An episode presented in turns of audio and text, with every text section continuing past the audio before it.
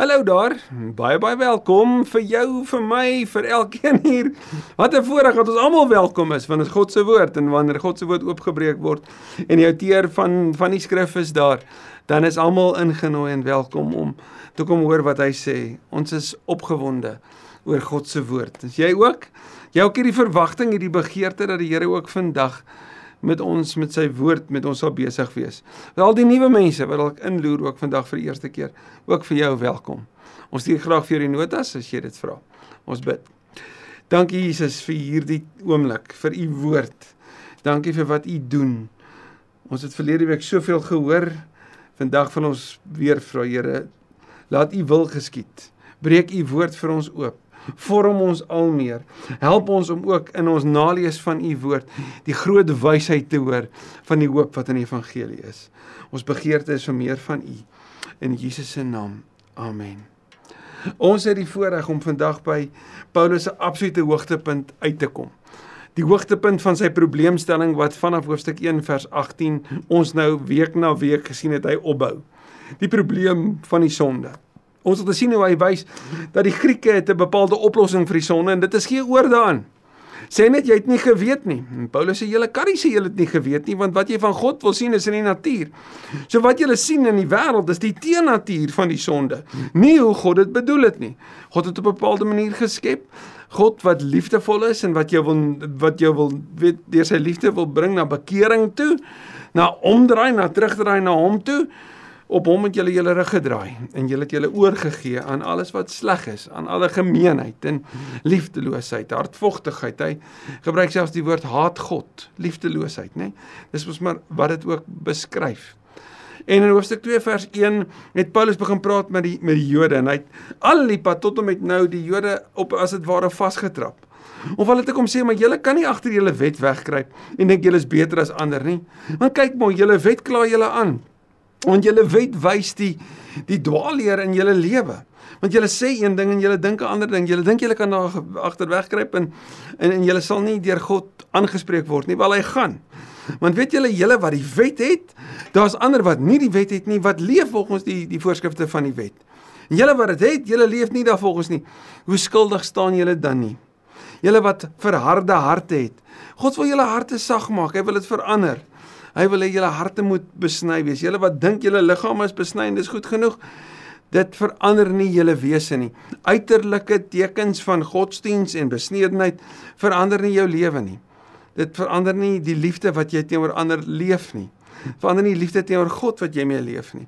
Daarom het jy nodig dat jou hart besny word en dat jy 'n nuwe mens sal word. Want soos wat hy gesê het vroeër in hoofstuk 2, God trek niemand voor nie en in sy opbou na hierdie groot uitdaging van van wat is die probleem met sonde kom Paulus uiteindelik by hoofstuk 3 aan by die hoogtepunt van waarop dit alles neerkom. Kom ons lees verder.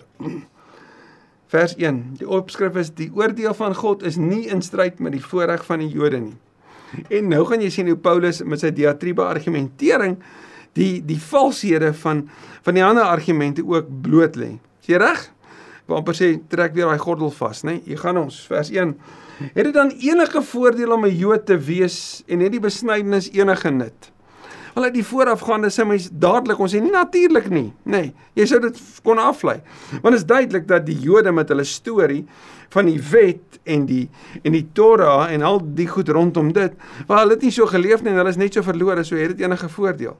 Het die besnydenheid wat met hulle liggame te doen gehad het, het dit enige nut? Is dit enigstens is daar doel daarmee? Kyk wat sê Paulus Want voordat 'n mens te vinnig sê nee, want heel duidelik het dit nie gewerk nie, sê Paulus die volgende: Ja.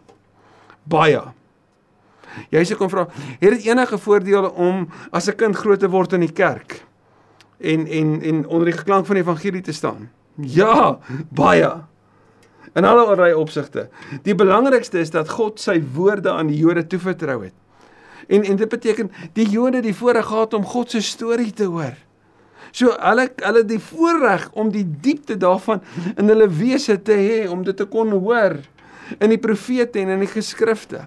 Hulle kon hoor van kleins af by die sinagoge elke Saterdag van wat God gedoen het. Hulle kon dit hoor aan tafel, hulle kon dit hoor met al die feeste.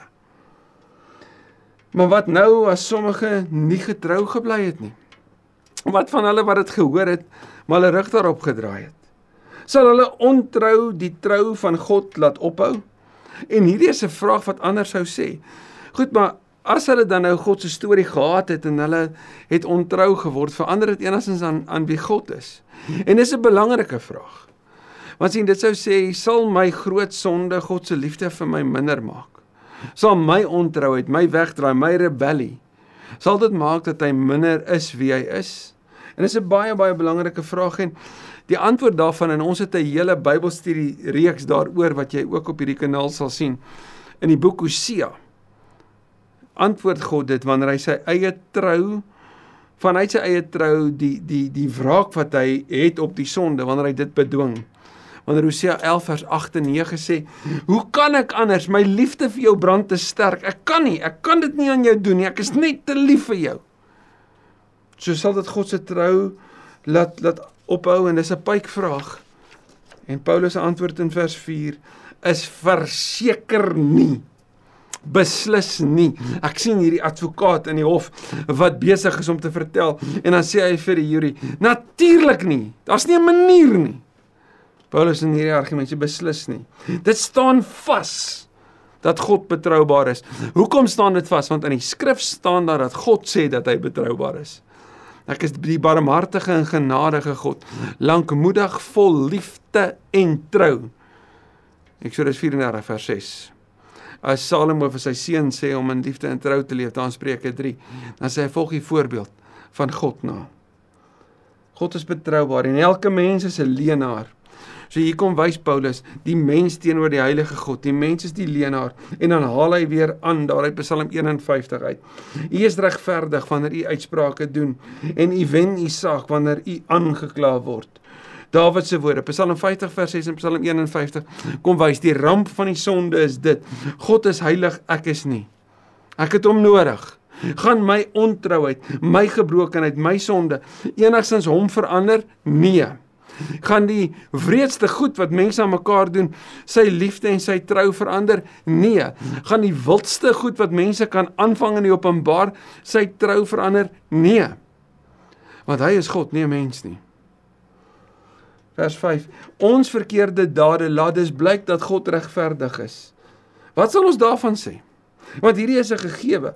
God is regverdig en jy kan jy sien in die mense onregverdigheid. Nê? Nee? Want op watter standaard meet ons ons onregverdigheid?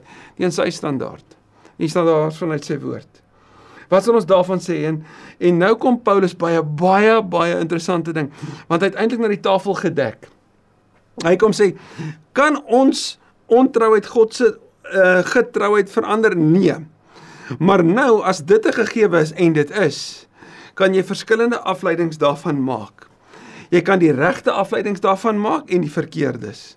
En kyk hoe slim is Paulus in sy argumente wanneer hy die verkeerde argumente eers neersit voordat hy die waarheid neersit. Kyk mooi. Ek redeneer soos mense gewoonlik redeneer. Is God dan nie onregverdig as hy ons straf nie? Ek het nou die dag 'n moeilike gesprek met iemand gehad juis oor hierdie saak. Want hoor mooi, God is getrou, hy het ons geskep. Ons is ontrou. Maar maar hy is mos 'n God van liefde. Dan is dit mos nie reg dat hy ons straf nie. As ons gebore word met 'n bepaalde aard, met 'n bepaalde sonde, met 'n bepaalde verslawing, met 'n bepaalde gebrek, is dit dan nie verkeerd of liefdeloos as hy ons daaroor straf nie? Ek bedoel hy is mos die skepper en ons is so gemaak. So dan is dit mos so. Ek bedoel, is dit nie liefdeloos om ons volgens 'n bepaalde morele kode te meet nie? Jy sien, al hierdie argumente is eintlik die volgende. Hier's die hart agter dit. Hoekom laat God ons nie toe om self God te wil wees nie? Hoekom laat hy ons nie toe om te maak soos ons wil nie? Ek bedoel, ons het vrye wil, ons het vrye ruimte. Hoekom gestraf word omdat ek my vryheid uitleef? Wel, hier's die antwoord. Hy is God. Ek en jy nie. Hy het die seggenskap. Hy verdien die eer. Hy is die maker. Ek is net die maaksel. Ek het die voorreg om hom te ken. Ek moet my plek in hierdie storie ken. Ek moet my plek opnuut in hierdie storie ontdek. Ek moet my rangorde bietjie verstaan. En nie myself so so verhef dat ek regtig dink dat ek so oulik is dat ek self dalk mag God wees in my eie narratief nie. Hy is God. En ek het verlossing nodig. En hoe kan ek hierdie gebroke verhouding wat ek veroorsaak het met die sonde in my lewe, hoe kan ek hierdie gebroke verhouding herstel? Hier's die goeie nuus, ek kan nie. So hoe gaan ek dit herstel? Hy het dit gedoen. Hoe? Deur wreed vermoor te word en die prys in my plek te betaal as sondeloos, as skuldloos, sodat ek in 'n regte verhouding met hom kan staan. Waar is die regverdigheid in dit? Dat hy in my plek moet staan? As sy liefde maak dat die mees onregverdigste daad teenoor enige mens van alle tye op hom gepleeg is sodat die verhouding kan herstel. Want dis hoe lief hy my het. Maar Paulus gebruik hierdie dwaase argumente van die mense van sy tyd. En hy kom sê dis die verskil tussen ons en God. God is nie onregverdig nie. God moet die mens straf want as ek en jy die die die die die boosheid in die wêreld sien. As ons sien wat gebeur in oorloë. Ons gesien hoe mense misbruik word. Ons sien hoe kinders se se se jong vormende gedagtes misvorm word deur valse inligting in die naam van sogenaamde wetenskap.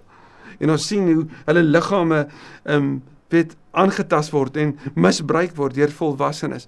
Dan is daar mos niks anders in jou as as 'n begeerte om te sê, maar dit moet reggesien word. Dan moet dan moet dan moet geregtigheid geskied nie. En is dit nie juist 'n teken van liefde nie om te sê, maar ek is lief vir wat reg is en daarom moet ongeregtigheid gestraf word nie? En ons voel so as mense. Hoeveel nie meer van die God van liefde wat regverdig is nie. Vers 7. Vers 6 sê Paulus beslis nie. Hoe sou God anders oor die wêreld kan oordeel? Want is God se standaard. Maar as my leenagtigheid en hoor nou hierdie teorie. As my leenagtigheid want as God regverdig is en die mense leenaar, hoor nou die volgende argument. As my leenagtigheid die betroubaarheid van God duidelik aan die lig laat bring en so dien tot eer van God, waarom word ek dan nog as 'n sondaar veroordeel? So, die argument en ons moet regtig die slinksheid en die hele ding van progressive Christianity en liberale teologie, ons moet dit noem vir wat dit is. Dis nie teologie nie, dis vals. Dis wat dit is, dis absoluut vals. Want hierdie is die vorm van liberaliteit. Hoe meer ek wegdwaal en hoe meer ek wegbeweeg van die standaard af, hoe meer laat ek die lig skyn op die standaard, dan is dit mos nou goed. So eintlik los my wat ek kan wees wie ek is. Eintlik deur my vrae te stel, is ek besig om julle te help. Eintlik is die Satan se vraag aan Adam en Eva van het God regtig gesê dat dat julle dit nie mag doen nie, is eintlik 'n goeie ding. Ag en jy kan al die nonsens wat hulle kwytraak en jy gaan kyk, maar moenie eers jou tyd mors nie. Wat sê Paulus? Pas op. Pas op. Want kyk wat sê hierdie teorie. In my leenagtigheid, as ek hy God is en ek is 'n mens en ek is 'n leenaar, is ek nie juis besig om deur my leenagtigheid te wys hoe hy goed is nie. So eintlik hoor my, doen ek hom 'n guns. Want eintlik is ek mos net besig om hom aan hom eer te bring. So weer eens, los my dat ek kan doen wat ek wil doen. Die valsheid hiervan ontbloot Paulus dan in sy argument. Want sien die caveat wat gebruik word is maar God kry mos dan nou die die die die die shine as dit duidelik is hoe donker ek is want hy is nie. So eintlik so doen ek hom 'n gun so ek kan mos nou eintlik hier weggryp. Hy moet my mos nie straf nie. Beteken dit dat ons sê laat ons die verkeerde doen sodat die goeie daaruit na vore kan kom? Wat 'n absolute hiperbool, wat 'n absolute teenstelling kontras en 'n uitermatege beskrywing. Daar is mense wat ons dit wel lasterlik en daar's daai woord weer wat ons in Engels ken as blaspheme lasterlik in die mond wil lê want as mense sê maar julle praat ons nou oor die goeie nuus van die evangelie en julle sê, sê God spreek mense vry oor hulle sonde. So dan is ons nou baie duidelik hoe meer sonde jy doen hoe meer kan ons God se vryspraak daarin sien. Wil sê as mense wat ons dit lasterlik in die mond laat lê. Met ander woorde as mense wat agter ons rug so argumenteer. Maar hulle kry die oordeel wat hulle verdien. So hulle sal met hulle leuns voor die regterstoel verskyn, hulle wat nie Jesus as Here erken nie en wat dit ons in die mond lê. Waarop kom dit neer? Is ons as Jode dan beter as die ander? En op grond van die voorafgaande weet ek en jy mos nou wat die antwoord daarop sou wees. Glad nie. Want ons het al bewys die voorafgaande dat Jode en nie Jode almal in die mag van die sonde is. Dis Paulus se probleemstelling. En dan deur die skrif aantaal deur 'n klomp skrifte vanuit die Ou Testament aantaal bou Paulus die hoogtepunt van hierdie argument. Hy kom eintlik by 'n diagnose, hy het sy probleem gestel en nou wys hy oor die siekte van die siekte toestand van die mens en van die mens se hart vanuit die skrifte. Daar staan immers geskrywe. Prediker 7 vers 20. Daar is nie een wat regverdig is nie, selfs nie een nie. So dit kom al uit Prediker uit. So as daar mense vandag is wat sê ja, dis 'n Nuwe Testament konsep, nee. Dis die Prediker al wat vroeg vroeg dit al gesê het. Dit kom natuurlik later in Romeine ook voor. Daar is nie een wat verstandig is nie. Daar is nie een wat na die wil van God vra nie. Psalm 14, Psalm 53. Almal, hoor mooi, daai Griekse woord almal beteken almal. Almal het afgedwaal en die die woord afdwaal is om krom te buig of of weg te draai. Almal het afgedwaal, almal het ontaard. Daar is nie een wat goed doen nie, selfs nie een nie. Dis Psalm 14 en Psalm 53. So vanuit die woord is dit duidelik, die sonde is 'n groot probleem wat almal raak. Daar's nie een wat dit nie doen nie. Hulle keel is 'n oop graf, Psalm 5. Kyk net hoe hoe verward maak die sonde die mens en kyk hoe verdraai die sonde dit wat mooi was nou dit moes wees. Hulle keel is 'n oop graf met ander woorde wat uit hulle lewe uitkom is die dood. Met hulle tonge bedrieg hulle. Oor hulle lippe kom woorde so giftig so slange. Woord uit Psalm 140. Hulle mond is vol vervloeking en bitterheid, Psalm 10. En kyk hoe ken Paulus die tekste, nê? Jesaja 59. Hulle voete is vinnig om bloed te vergiet. Jesaja 59 weer. Hulle laat 'n spoor van verwoesting en ellende agter. Die pad van vrede het hulle nie leer ken nie. Weer eens Jesaja 59 en uiteindelik Psalm 36. Onsag vir God het hulle nie. So dis mense wat die dood teweegbring. Is mense wat dood praat en seermaak. Is mense wat die Here nie wil ken nie. Is mense wat lieg en bedrieg. En hy sê dis almal en almal is almal. Dit weet ons vers 19. Alles wat Moses se wet sê, alles wat die Torah sê, alles wat hierdie reguit pyl en boog wat reguit moet skiet, wat so reguit moet skiet soos net 'n pyl kan, wat verdraai is deur die mens. Alles wat Moses se wet sê, sê hy vir die wat die wet het. Anderswoorde die Jode. Niemand sal hom dus kan verweer nie en die hele wêreld is strafwaardig voor God, Jood en heiden want hierdie wet is vir almal sigbaar en en daarom omdat almal skuldig is, wat is die oplossing? En hier is Paulus se hoogtepunt in hierdie hele argument. Daarom sal geen mens op grond van wetsonderhouding deur God vrygespreek word nie. Inteendeel, deur die wet leer 'n mens wat die sonde is. Die sonde is die groot probleem. Die sonde ontbloot my hart. Die sonde ontbloot die die redes hoekom ek goeders doen, die beweegredes. Die sonde ontbloot my dwaaling, my liefdeloosheid, my verdraaidheid. Die sonde ontbloot my my smag na eie reg en selfgeregtigheid, na onafhanklikheid en na na onaanspreeklikheid vir my dade. Die sonde ontbloot my begeerte om verhef te wees en op 'n manier onaangeraak te kan wees deur hierdie wêreld die sonde ontbloot dat ek verlore is en dat ek 'n redder nodig het. En van hier af plaas Paulus vir ons op die pad na die goeie nuus. Here, ek het U nodig. Net soos Paulus beskryf in in hierdie deel van Romeine, is daar ook in my soeke na autonomiteit en onafhanklikheid na 'n spasie waar ek vir myself kan jok en sê maar ek's nie aanspreeklik vir wat ek sê of dink of doen of skryf of droom of oor ander ander uitdink nie. Ek ek is onaangeraak. Of of ek is maar die produk van goed wat in my lewe met my gebeur het. Daarom is ek maar soos wat ek is en eintlik kan ek nie help nie. En daarom kan ek nie daarvan aanspreeklik gehou kan word nie. Dis maar my aard. Dankie Jesus dat U ons nuwe mense kom maak. Soos 2 Korintiërs 5 sê. En mag ons van hier af vorentoe juis besef dat nie wet nie, nie besnydenis nie, nie my eie sogenaamde kennis nie, niks nie kan my red nie. Ek het U nodig. En die goeie nuus is dat God mense vryspreek omdat hulle glo. Mag ons van hier af juis ontdek hoe mooi en goed dit regtig is. In Jesus se naam. Amen. Amen. Ek weet ek en jy dalk nodig om weer hierdie week hierna hierna te gaan kyk en dis die voorreg, dis weer hier. Maar maar kom ons reis verder. En kom ons hoor hoe goed die goeie nuus regtig is. En kom ons deel dit vir 'n wêreld wat en ons kan dit sien elke dag dit verskriklik nodig het. sien jou weer.